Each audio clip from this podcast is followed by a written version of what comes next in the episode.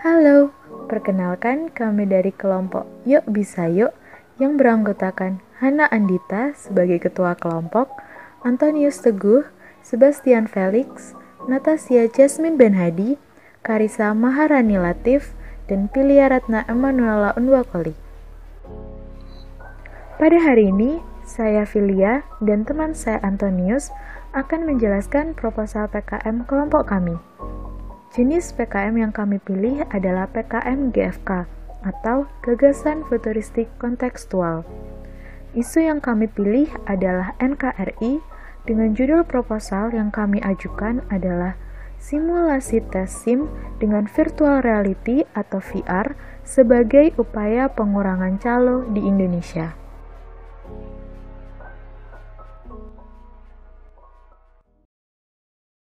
Seperti yang kita tahu, Indonesia memiliki banyak sekali kendaraan bermotor, mulai dari sepeda motor, mobil, bis, dan masih banyak lagi.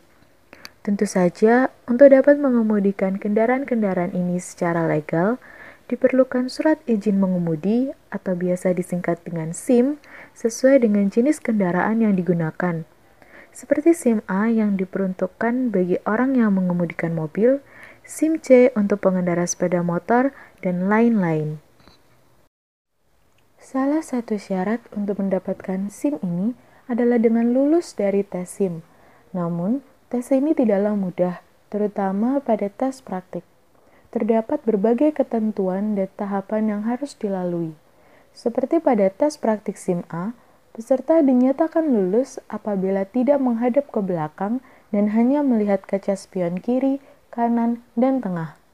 Selain itu, pada tes praktik SIM C, peserta dinyatakan lulus apabila selama tes, kaki peserta tidak turun, menyenggol, atau melewati kun. Tentunya, masih banyak lagi ketentuan-ketentuan untuk tes praktik SIM lainnya. Ketentuan-ketentuan seperti inilah yang membuat masyarakat menjadi takut dan lebih memutuskan untuk mencari cara mudah atau curang. Kecurangan yang kerap terjadi ialah menggunakan calo. Isu calo ini sudah lama terjadi di Indonesia, dan tidaklah sedikit masyarakat yang menggunakan cara ini. Padahal, penggunaan calo hanya akan merugikan atau bahkan dapat mencelakakan banyak pihak. Karena, seperti yang kita tahu, peserta pengguna calo pada dasarnya tidak mengikuti tes, sehingga tidak dapat dipastikan juga kemampuan berkendaranya. Hal ini tentunya akan sangat berbahaya, mengingat orang tersebut akan berkendara di jalanan yang dipenuhi pengendara lain. Dia tidak hanya akan mencelakakan diri sendiri, namun dia juga dapat mencelakai orang lain. Maka dari itu, kelompok kami ingin mengusulkan simulasi tes SIM menggunakan virtual reality atau VR untuk mengatasi masalah ini. Nah, tadi teman saya Filia sudah menjelaskan mengenai latar belakang mengapa kelompok kami memilih topik PKM GFK yang bertema NKRI dengan judul simulasi tes SIM berbasis virtual reality sebagai upaya pengurangan calo di Indonesia. Setelah ini, saya Antonius Teguh akan menjelaskan mengenai bagaimana mekanisme dari simulasi tes SIM ini sendiri. Baik seperti yang kita tahu, sebelum memulai ujian, baik teori maupun praktik, peserta akan diminta untuk mengisi formulir dan juga melakukan foto.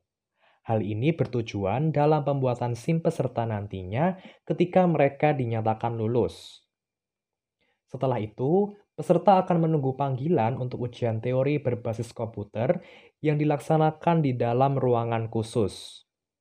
Soal yang ditayangkan biasanya berupa animasi seorang pengemudi yang sedang berkendara di jalan raya.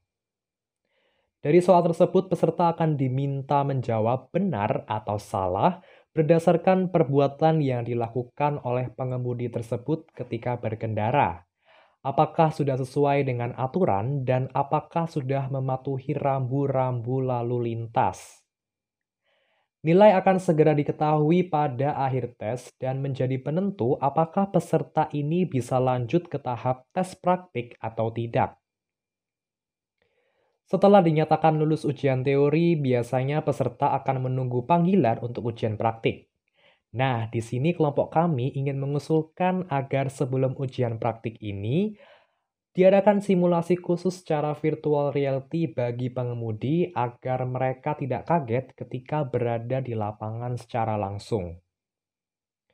Adapun dari kelompok kami juga mengusulkan agar bentuk lapangan tesim nantinya berupa pos-pos yang bisa mendokumentasikan atau memotret peserta yang sedang melakukan ujian praktik. Nah, hal ini bertujuan untuk meminimalkan kecurangan yang ada. Nantinya, foto-foto dokumentasi ini akan dikirimkan ke sistem pusat sehingga pihak yang berwenang pun bisa tahu keaslian dari pembuatan SIM peserta. Harapannya dengan diberlakukannya usulan ini, Indonesia bisa terbebas dari penggunaan calo. Penggunaan calo sungguh merugikan, khususnya bagi segi keamanan berkendara. Tak semua orang menguasai dengan baik hal-hal penting yang harus dilakukan selama berkendara. Namun, alangkah baiknya apabila dari pihak penyelenggara pun juga berkenan untuk melakukan inovasi dan perbaikan dalam sistem ujiannya demi kebaikan kita bersama. Akhir kata saya Antonius dan Filia mewakili seluruh kelompok Yuk Bisa Yuk mengucapkan terima kasih. Salam sehat untuk semuanya, mari tingkatkan kejujuran di Indonesia. Indonesia bebas calo.